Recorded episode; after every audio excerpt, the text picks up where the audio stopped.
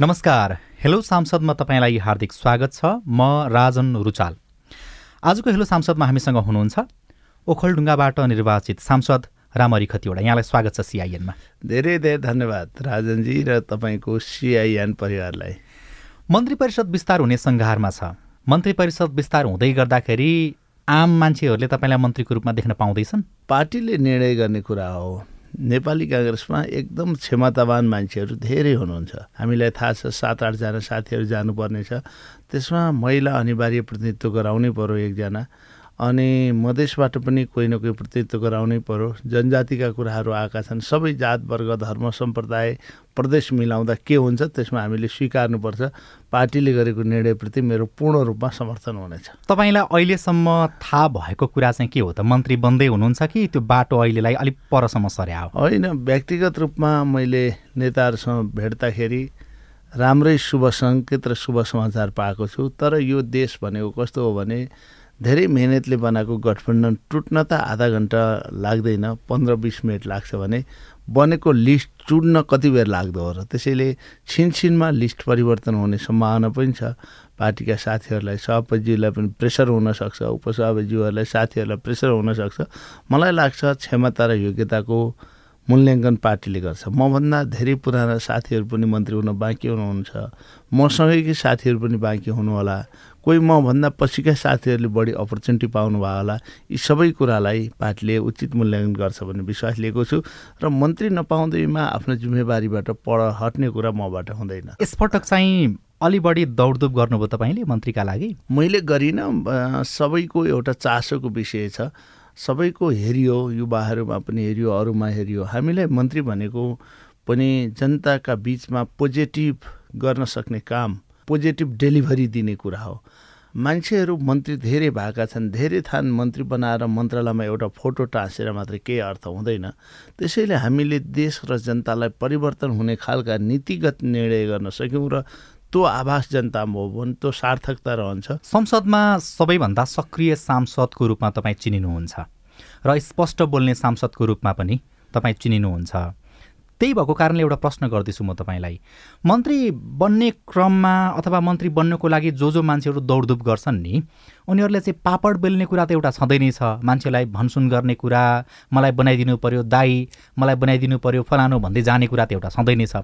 त्योभन्दा बाहेक लेनदेनको कुरा पनि हुन्छ भन्ने बाहिर चर्चा छ। तपाईँले चाहिँ त्यस्तो खालको महसुस गर्नुभयो या गर्नु भएन म तिनचोटि प्रतिनिधि सभाको संसदको टिकट पाएँ। लेनदेनको कुरा कहिल्यै कुनै नेताबाट सुनिनँ।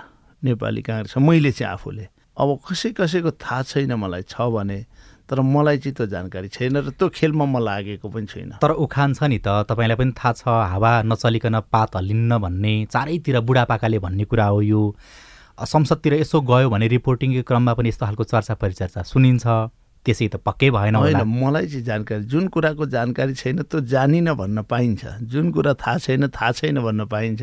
जे थाहा छ त्यही बोल्न पनि पाइन्छ। यसपटक तपाईँ रोकिएको चाहिँ अनुभव नभएको कारणले अथवा पहुँच नभएको कारणले अथवा तपाईँभन्दा क्षमतावान मान्छे कङ्ग्रेसमा अरू धेरै भएको कारणले के कारणले त? अब मलाई त एउटा के विश्वास छ भने पार्टीले उचित मूल्याङ्कन गर्छ भनेर म त्यो पनि अनुभव क्षमता योग्यता सबै म केन्द्रीय कार्य समितिमा पनि देशभरिका साथीहरूले पाँच नम्बरभित्रै मलाई मतदान गरेर विजय गराएका हुन्। मैले अहिले आफ्नो भूमिका जिल्लामा पनि म खसेको भोटको फिफ्टी वान पर्सेन्ट नै कटाएर म आएको छु। सबै साथी आमा बुवा दाजुभाइ सबैको शुभेच्छुकहरूको शुभचिन्तकहरूको मित्रहरूको कारणले त्यसैले मलाई एउटा कुरा के छ भन्नुहुन्छ भने कहिलेकाहीँ राजनीतिमा नेताले स्थापित गरेको मान्छेलाई जनताले विस्थापित गर्छ। जनताले स्थापित गरेको मान्छेलाई नेताहरूले विस्थापित गर्छन् काहीँ काहीँ तर यो पद्धति काङ्ग्रेसमा अब लागु हुने छैन। जनताले स्थापित गरेकै मान्छेलाई नेताले पनि स्थापित गरे र जनताले विस्थापित गरेका मान्छेलाई नेताले पनि विस्थापित गर्यो भने पार्टी अझ अगाडि बाटोमा जान्छ भन्ने विश्वासका साथ काम गर्दछु। ओखलढुङ्गाको कुरा गर्दाखेरि चाहिँ चुनावको बेलामा तपाईँ र तपाईँका प्रतिस्पर्धी दुवै तपाईँहरू दुवैजनाको नाम चाहिँ अबको सरकारमा मन्त्रीको रूपमा चाहिँ उहाँहरू जितेर जाँदै गर्दाखेरि ओखलढुङ्गाले पाउनेछ भन्ने खुब चर्चा थियो। के भनेर जवाफ दिने त नि ओखलढुङ्गेली जनतालाई? म तपाईँहरूलाई यति अनुरोध गर्न चाहन्छु मलाई जुन विश्वासका साथ तपाईँहरूले निर्वाचित गर्नुभएको छ म विश्वासघात गर्न चाहन्न तपाईँहरूलाई। जे बाचा तपाईँहरूको अगाडि चुनाव अगाडि प्रतिबद्धता साथ गरेर आएको थिएँ ती बाचा पुरा गर्न म तयार छु। मन्त्री कहिलेकाहीँ परिस्थितिको कुरा हो हेर्नुहोस् परिस्थितिको कुरा मन्त्री सधैँ कोही हुँदैन पनि। तर तपाईँहरूको माया ममता रह्यो भने मन्त्रीको भन्दा ठुलो सद्भाव र माया ममता पाइन्छ। संसदको कुरा गर्दाखेरि चाहिँ यसपटक तपाईँ त अनुभवी। त्यहाँ सानो केही गडबड भयो भने पनि हुजुरको उठ्नुहुन्छ नियमापत्ति गर्नुहुन्छ। अनि संसदमा सबैभन्दा बढी बोल्ने संसद संसदमा चाहिँ अलिक बढी सक्रिय हुने सांसदको रूपमा चिनिनुहुन्छ। अहिले नयाँ आएका सांसदहरूको सङ्ख्या पनि राम्रो छ। राम्रो छ त्यहाँ संसदभित्र। उहाँहरूको तौर तरिका देख्दाखेरि अनि संसद एकदम घनीभूत रूपमा छलफल गर्ने थल हो त्यस्तो स्थिति देखिँदैन भइसकेको छैन संसदले बिजनेस राम्रोसँग पाएको छैन। त्यो सबै कुरा देख्दाखेरि चाहिँ हामीले ढिलो त गरिराखेका छैनौँ। के भइराखेको छ? तपाईँको नजरमा चाहिँ के छ? होइन संसद वास्तवमा सबैका आँखा नजर पर्ने केन्द्रको रूपमा विकास होस् भन्ने हामीलाई लाग्दछ। जुन दिन संसद चल्छ त्यो दिन सबै नेपालीका आँखा संसद भवनतिर जाउन् र हाम्रा जनप्रतिनिधिहरूले के कुरा गरेका छन् भनेर जनताले थाहा पाउन्। तर हाम्रा सांसदहरू गएर त्यहाँ उगेर बस्ने शीर्ष नेताहरू कहिल्यै पनि अगाडिको रोमा नदेखिने हो। देखिँदाखेरि पनि एकचोटि यसो आएर हाजिर गरेर हिँडिहाल्ने यो पद्धतिले संसदको गरिमा बढ्दैन। बरु यो पाँच घन्टा छ घन्टा आठ घन्टा चलाउन हामी एघार एक बजेदेखि राति आठ बजीसम्म पनि बस्यौँ जस्तो अस्ति सत्य निरूपण तथा मेलमिलाप आयोगको विधेयक पेस पारित गर्ने बेलामा दफावार छलफल हुनु अगाडि हामी त्यहाँ बसेर छलफल गऱ्यौँ। राति झन्डै आठ बज्यो। कसैलाई एकदम अप्ठ्यारो असन्चो लाग्ला। तर हामीले बरु त्यसको टाइम सर्ट गरौँ तिन घन्टा दिनमा चलाउँ। हामीले कुकुन दिन चलाउने हो? तिन घन्टा चलाउँ। तिन घन्टासम्म संसदमा बसेको बेला संसद जस्तो बनाऊ हामी। संसदीय मर्यादाभित्र रहौँ। यो वास्तवमा संसदीय पद्धति नै असाध्यै औपचारिक पद्धति हो। त्यहाँ सभामुख आउँदा उठ्नै पर्छ। सभामुखको अगाडि बाटो काट्न पाइँदैन।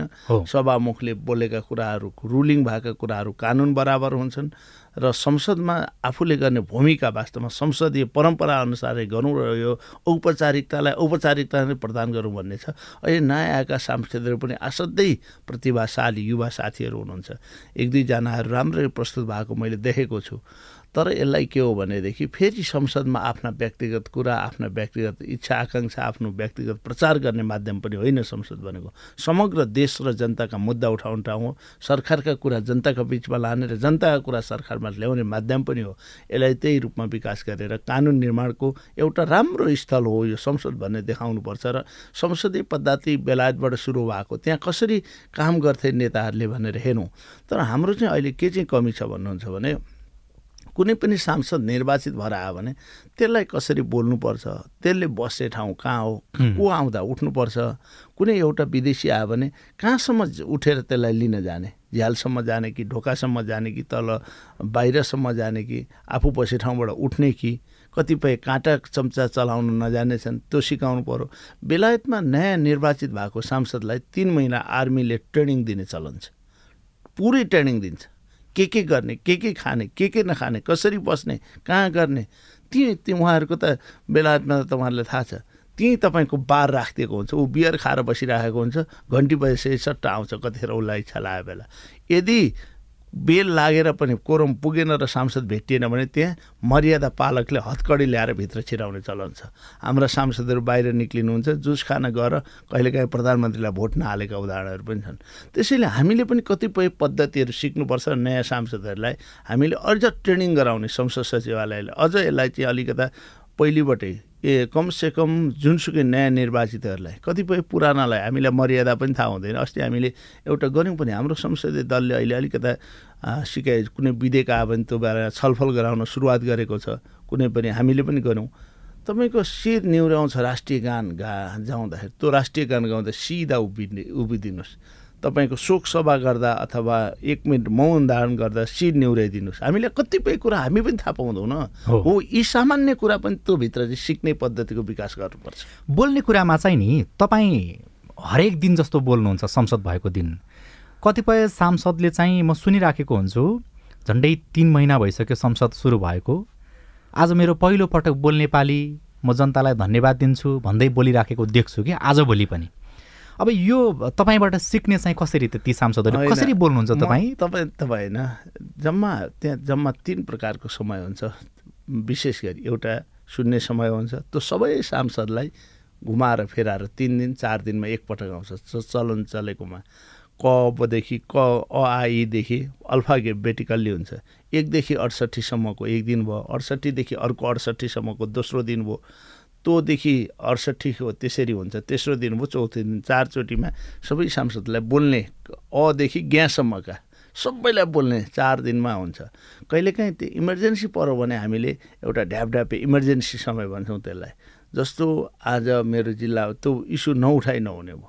कतिपय असाध्यै महत्त्वपूर्ण हुन्छ। मन्त्रीको ध्यान आकर्षण गराउनु पर्ने हो। त्यो बारेमा ढ्यापढ्याप गरेर समय दिएको हुन्छ सभामुखले तिन मिनट समय दिन्छ त्यो एउटा हुन्छ। एउटा विशेष समय भन्ने हुन्छ।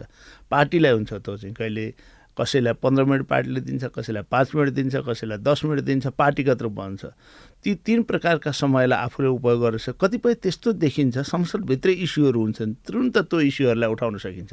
जस्तो पूर्व प्रधानमन्त्री केपी ओली बोल्दै हुनुहुन्थ्यो उहाँ बोल्दा बोल्दै उहाँले के भन्नुभयो भने नीति तथा कार्यक्रमको बारेमा अस्ति छलफलको कुरामा उहाँले रोस्टरमा गएर बोल्नुभयो। संसदमा आएर बोल्ने जुन संसदमा नल्याएको नीति तथा कार्यक्रम थियो त्यतिखेर उहाँहरूले आफ्ना साझा नीति तथा कार्यक्रम संसदमा प्रस्तुत भएको थिएन। संसदमा प्रस्तुत नगरेको कुरा संसदको रोस्टमबाट चाहिँ बोल्न पाइएन। होइन? फेक डकुमेन्ट पनि त्यहाँ प्रस्तुत गर्न पाइएन। मनगणन्ते कुराहरू पनि त्यहाँ गर्न पाइएन। त्यो त इतिहासको त्यहाँ रेकर्ड हुन्छ। यस्ता कुराहरूमा चाहिँ आफैले यो चाहिँ पाइँदैन हजुर भनेर कहिलेकाहीँ सम्झाइ नै ठुलो होस् कि सानो होस् संसद संसदै हो सबै बराबर हो त्यहाँ। प्रधानमन्त्रीको पनि आफ्नो हुन्छ सभामुख सबभन्दा सम्मानित यो चाहिँ सांसद आफै चनाखो हुनुपर्ने चलाक हुनुपर्ने रहेछ क्या हो कतिपय कुराहरू हुन्छ। त्यहाँ हेरेँ मैले। अब तत्कालीन गृहमन्त्री हुनुहुन्थ्यो अहिले हुनुहुन्न। म उहाँको बारेमा धेरै कमेन्ट पनि गर्न चाहन्न। संसदीय पद्धतिको मिडिया चलाए जस्तो पनि हुँदैन। मैले यहाँ बोले जस्तो पनि हुँदैन। रवि लामिछानेको कुरा उहाँलाई पनि हल्लाग्दो हो। एकैचोटि आउनुभयो उप प्रधानमन्त्री स्वाट्टै पाउनुभयो के के न भयो भन्ने भयो। उहाँ चाहिँ त्यो कराए जस्तो मात्रै त्यो पार्लियामेन्टमा गृहमन्त्री नै तपाईँले खाइदिनु भयो भन्ने चर्चा? म के खान्थेँ गृहमन्त्री? आफै खान पाएको छैन गृह अरू बाहिर बाहिर चर्चा छ नि त रामरी खतिवडाले संसदमा बोलेको बोले गरेर गृहमन्त्री हिँडाइदिनु भयो एउटा कुरा एउटा कुरा चाहिँ थियो। उहाँको नागरिकता पासपोर्टको कुरा उठेकै थियो। उहाँलाई अलिकता हेर्नुहोस् त्यो पनि मैले एसएलसी पास गरेँ जस्तो घमण्ड हो। पहिला एकचोटि आउनु सिधै उप प्रधान त्यो पनि गृह मन्त्रालय। उहाँले सोच्नु भएको सोच्नु भएको थिएन। मैले धेरै साथीहरूलाई भने मिडिया चलाउनेलाई। कहिलेकाहीँ ऋषि धमलाजीहरू अन्यलाई पनि भन्छु म। अब तपाईँहरूको पालो है अलिक मिहिनेत गर्नुहोस् भनेर जिस्काउँछु भने कहिलेकाहीँ। कहिलेकाहीँ के हुन्छ भन्नुहुन्छ भने धेरै अनुभव गरेका मान्छे पनि हुनुहुन्छ। धेरै पुराना मान्छे पनि। यो संसदीय पद्धति अहिलेसम्म एउटा पनि चुनाव नहारेको अडचालिस सालदेखि शेरबहादेवा एउटा बाँकी हुनुहुन्छ। अरू सबै काहीँ नै विजय गसेदार हुनुहुन्थ्यो यसचोटि हार्नुभयो। धेरै नेताहरू उहाँहरूलाई पनि घमण्ड छैन मैले देखिरहेको हुन्छु। के संसदीय पद्धति बुझ्नु भएको छैन होला र। अहिले प्रचण्डजी नै आफू दौरा सुवाल लाउँदै कुद्दै आउन थाल्नुभयो। पहिला पनि घमण्ड थियो नि। मैले एक दिन पनि पार्लियामेन्ट जाँदा अहिलेसम्म तपाईँहरू याद गर्नुहोस् लोगो नलाएर दौरा सुवाल नलाइकन म जान्न। आफूलाई मेरो कुरा हो त फेरि मैले कसैलाई गर्नुपर्छ भनेको पनि होइन। आफ्नो आफ्नो हुन्छ त्यहाँ। पार्लियामेन्टभित्र चाहिँ बाहिर आफ्ना कहीँ म आज कोट पोइन्ट लाएर आएको छु होइन? त्यसैले आफ्नो आफ्नो हुन्छ तर संसदमा भित्र बस्दा सकभर चलाखै भएर ननिदाइकन हामी त निदाउने। कस्तो फिल होला एउटा मान्छे एउटा स्कुलका भाइ बहिनीहरू आज संसद हेर्न भनेर गएका हुन्छन्। कोही काने खुसी गरेर खैनी खाँदै थुक्ने कोही खाना खाना त्यहाँ गर्ने पार्टीको नेताको कुरा गर्दै होइन मैले मैले मैले नेताको कुरा होइन कोही हुन्छ त्यहाँ। कहिलेकाहीँ मै पनि निदाएको झुकिएर काहीँ म पनि गरेको आउन सक्छ। तर त्यहाँभित्र बस्दा चाहिँ चलाखो र चनाखो दुइटै भएर बस्दिन अनुरोध गर्छु। यति हो मेरो कुरा। अलिकति राष्ट्रिय राजनीतिको कुरा गरौँ। अब आम नागरिकलाई सर्वसाधारणलाई चाहिँ चुनाव ताका पनि चुनाव पछाडि पनि चुनाव अगाडि पनि के लाग्थ्यो भन्दाखेरि अहिले भएका शीर्षस्थ नेताबाट यो देश चल्दैन। उहाँहरूको त्यो अभिव्यक्ति कतै न कतै देखिन्छ। त्यो भोटको रूपमा पनि देखिन्छ अथवा सामाजिक सञ्जालमा तपाईँले हेर्नुभयो भने प्रतिक्रियाको रूपमा पनि देखिन्छ। तपाईँ काङ्ग्रेसको एउटा सक्रिय नेता युवा नेता र उदाउँदो नेता पनि हो। संसदमा उत्तिकै सक्रिय म पटक पटक भनिराखेको छु। तपाईँलाई चाहिँ के लाग्छ? यी नेताहरू जो शीर्षस्थ नेताहरू छन् उनीहरूबाट देश चल्छ? सबैको एउटा युग हुन्छ।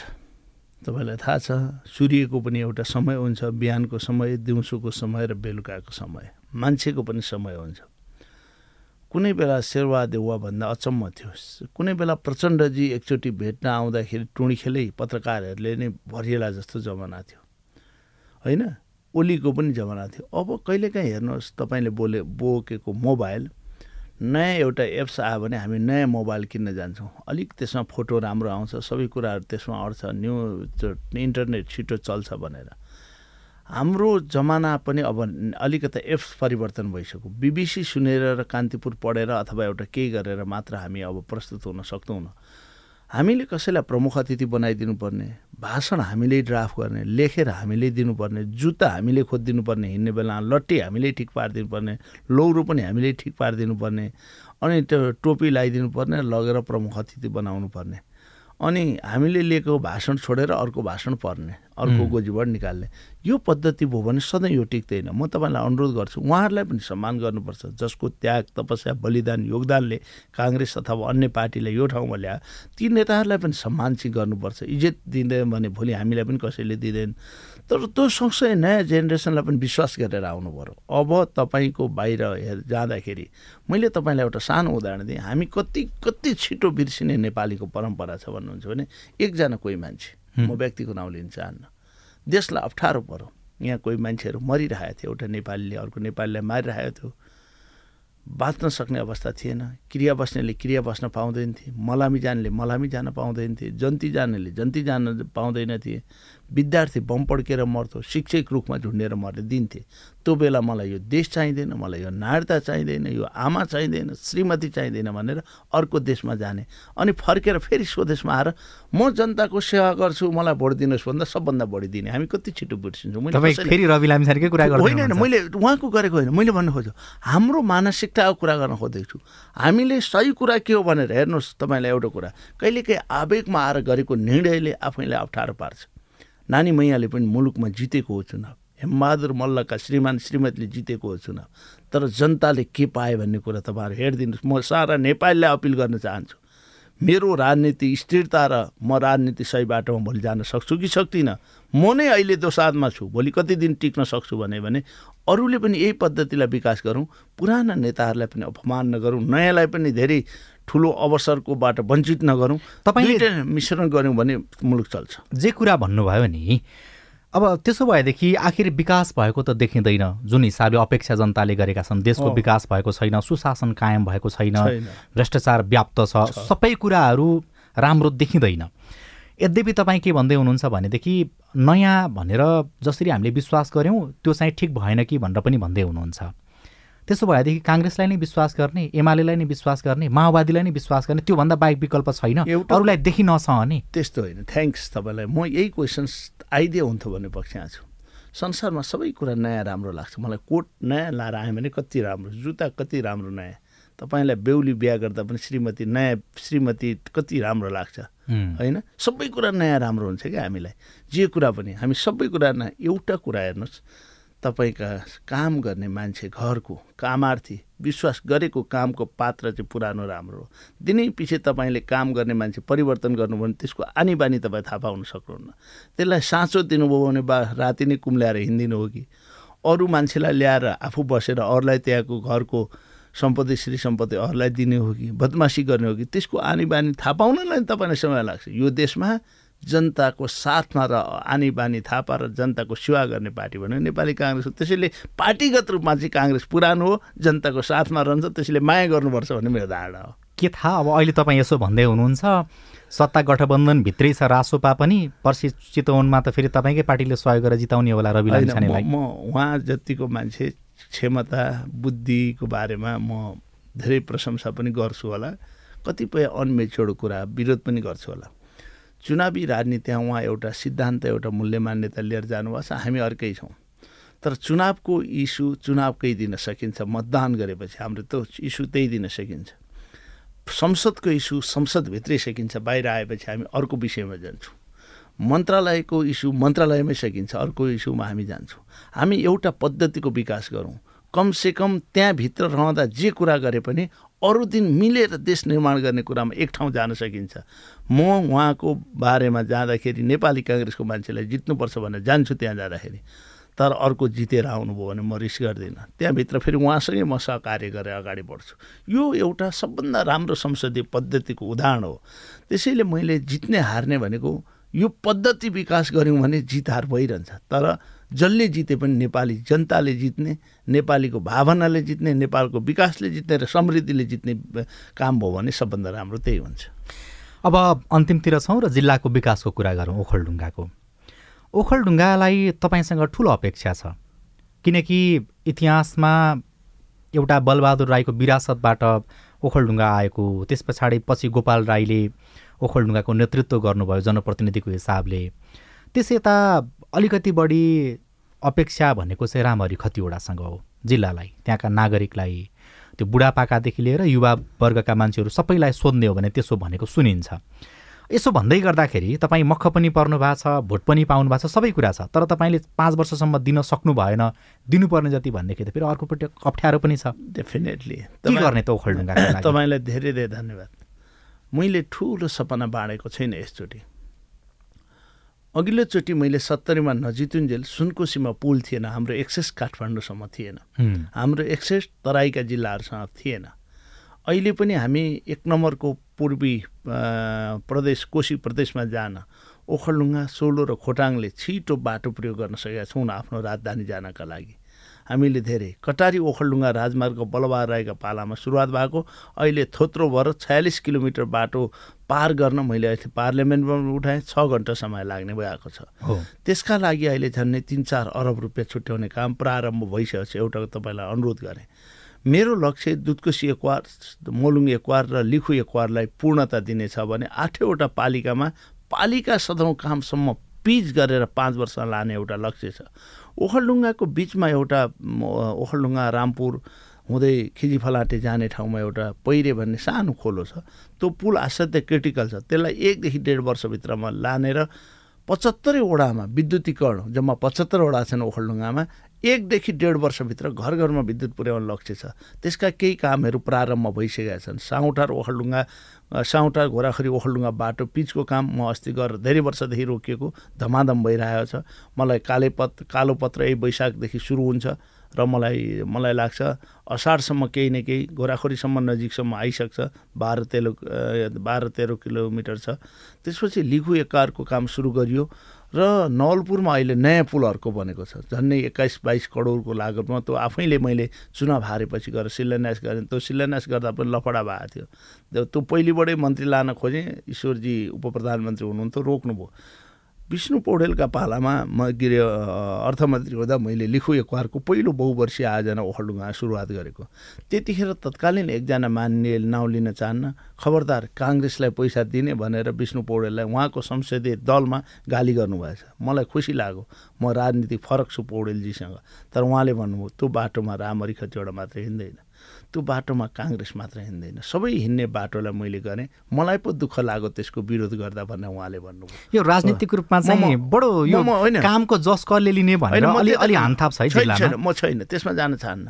म एउटा कुरा भने जसले गरे पनि राम्रो काम भयो भने ओखलडुङ्गा राम्रो हुन्छ। म यो विषय म प्रदेशको मान्य हेर्नुहोस् अब तपाईँले यो सबैले सुन्नु होला। राजनीति रूपमा उहाँ कति मेच्योर्ड हो कति अनमेच्योर्ड हो कति काम के गर्नुभएको छ। अमिर बाबु गुरुङ केही हुँदाखेरि राम्रै काम गरेको थियो। राम्रो काम गर्नेलाई के एक दुईवटा राम्रै प्रोजेक्ट ओखलडुङ्गा लगेको थियो। लगेको कुरालाई लगो भन्ने के गाह्रो भयो तर चार वर्षमा म पछाडि तपाईँलाई भन्छु प्रत्येक गाउँपालिकाको प्रत्येक ओडामा तत्कालीन गा गाविस अहिले पचहत्तर ओडामा एउटा भूकम्पग्रस्त जिल्ला पारेपछि दस करोडको एउटा स्कुल बन्दैछ। तपाईँकै संयोगले ओखलढुङ्गाकै पर्नुभयो आज। हो। तपाईँकैमा एउटा त्यहीँ सिस्नेरीमा छ त्यहीँ तलतिर बलखुमा छ त्यहीँ हर्कपुरमा छ त्यहीँ एउटा उभुमा एउटा स्कुल क्यान्सल गरे साथीहरूले झगडा गरेर तल र माथि गरेर वाक्सामा छ। मैले भनेको ओडा ओडामा पचहत्तर ओडा ओडामा साढे सात करोडका दरले गयो भन्दै साढे सात अरब रुपियाँ त्यहाँ स्कुलका लागि गयो। राम्रो पलापुको स्कुल हेर्नुहोस् कस्तो थियो त्यहाँ कहाँबाट कहाँ पुग्यो बाटो कहाँ भयो। त्यो कसले गरौँ म जसले गरौँ काङ्ग्रेसले गरोस् कि कम्युनिस्टले गरोस् गाउँमा ठाउँमा विकास पुग्यो भने फाइदा जनताले लिन्छन्। आज पनि तपाईँको भुल्के भन्ने ठाउँमा टेलिफोन छैन अहिले पनि हामीले टेलिफोन प्रयोग गर्न पाएको छौँ। हिजो मात्र मैले विद्युत प्राधिकरणमा अस्तिको दिन ल्याएर तिन दिनभित्र माधवपुरमा एउटा जग्गा पास गरेर त्यहाँको वडा अध्यक्षलाई भनेर अथवा भाडा दिएर तिन महिनाभित्र त्यहाँ टावर स्थापना गर्नका लागि पहल गरेर त्यो मान्छेले पाउने मिनिमम सुविधा हो। एक्काइसौँ शताब्दीमा उसले टेलिफोन आफ्ना सन्तानसँग कुरा गर्न पाएको हुँदैन। हो साना साना कामहरू हामीले सुरुवात गरेका छौँ। जसले गरे पनि ओखलडुङ्गाको समृद्धि र विकासका लागि हो। कोही अरूले नै गरिदिनु भयो भने पनि म त्यसलाई धन्यवाद दिन चाहन्छु। यसमा मेरो नाउँ आउनु पर्दैन। ओखलडुङ्गा राम्रो सबैलाई धन्यवाद हुन्छ। तपाईँसँग फेरि चार वर्ष जति पछाडि चाहिँ यसै गरी बस्ने मौका मिल्दाखेरि तपाईँलाई फेरि सोध्नु पर्यो। सोध्नको लागि त अहिले मैले तपाईँसँग प्रतिबद्धता पनि त गराउनु पर्यो नि त। त्यसको मतलब चाहिँ चार वर्ष पछाडि तपाईँलाई प्रश्न गर्दाखेरि दिने जवाफहरू सडकमा के हुन्छ? बत्तीमा के हुन्छ? दुईवटा मात्रै कुरा भनिदिनु भयो भने ओखलढुङ्गाको विकास हुन्छ। म एउटा भने चार वर्षसम्म बत्ती ओखलडुङ्गाका घर घरमा राष्ट्रिय नेसनल ग्रिड लाइनबाट पुर्याएको समाचार तपाईँ मार्फतै पुर्याउन चाहन्छु र त्यो दिन तपाईँलाई फेरि मलाई धन्यवाद रामहरि दाई बधाई भन्ने मौका दिनुहोस् र ओखलडुङ्गा जनतालाई बधाई भन्ने मौका प्रदान गरिदिनुहोस्। म त्यो प्रतीक्षा छु र यो गरेरै छोड्छु। बलबहार राईलाई भन्न चाह सम्झिन चाहन्छु। कटारी ओखलडुङ्गा राजमार्ग बनेन भने कि यातायात मन्त्री छैन कि म छैन भन्नुहुन्थ्यो। म पनि कि ऊर्जा मन्त्री छैन कि म छुइनँ भनेर पहिलो बत्ती लाने काम गर्छु। साङ्गुटार घोराखोरी ओखलढुङ्गा बाटोको पिच प्रारम्भ भएको छ। यसलाई चार वर्षकै बिचमा हामीले कमसेकम हुन त अहिले रकम अलिक कम छ देशमा आर्थिक अवस्था अलिक कमजोर हुँदै गएको छ हामी। यसलाई हामीले ओखलढुङ्गासम्म पुर्याउन सक्यौँ भने अर्को उपलब्धि हुनेछ। मुलुङ एकवार जसरी पनि हामी छिचोलेर लानेछौँ र त्यहाँ अहिले रामपुरसम्म पुर्याउने हाम्रो लक्ष्य छ त्यो भइसक्छ। तपाईँलाई नै भने अनि दुधकोसी एकवा रबुवासम्म पुर्याउँछौँ त्यो भइसकेपछि तपाईँलाई त्यतिखेर क्वेसन्स गर्दाखेरि पनि म यसै गरी हाँसेर मैले त पुरा गरेँ अब जनताले के गर्छन् भनेर जनतासँग क्वेसन्स गर्ने अवस्था सिर्जना होला। सबै पालिकाको सदरमुकाममा बाटो पनि पुग्छ। पुग्छ। सबै होइन प्रारम्भिक कामहरू हामी गर्छौँ। हाम्रो लक्ष्य चाहिँ छ अझ सरकारलाई मैले अस्ति नै भनिरहेको थिएँ क्वेसन्स पनि गरेँ अर्थमन्त्री पुरानो हुनुहुन्थ्यो अब नयाँ आएपछि फेरि हामी पहल गरौँला बजेट आउने बेला भएको छ। तपाईँकै पार्टीको आउनुहुन्छ नि मेरै पार्टीको आउँदा पनि अर्को पार्टीको हो। म पार्टी भनेर चिन्दिनँ त्यहाँभित्र गएपछि। तर सजिलो हुन्छ नि त पार्टी चिन्दछु सांसदका रूपमा मन्त्रीका रूपमा पार्टीका रूपमा उहाँले मलाई व्यवहार गर्न पाउनुहुन्न। समग्र हेर्नुहोस् मुस मसलले पैसा पठाउने जिल्लामा पद्धतिको अन्त्य गर्न चाहन्छु। समानुपातिको नै यहाँ अलिकता मन्त्री हुनेका जिल्लामा चाहिँ करोड अरब जाने। अलिक लुते लातेकामा चाहिँ लाखमा ल है ठिकै छ भन्ने होइन।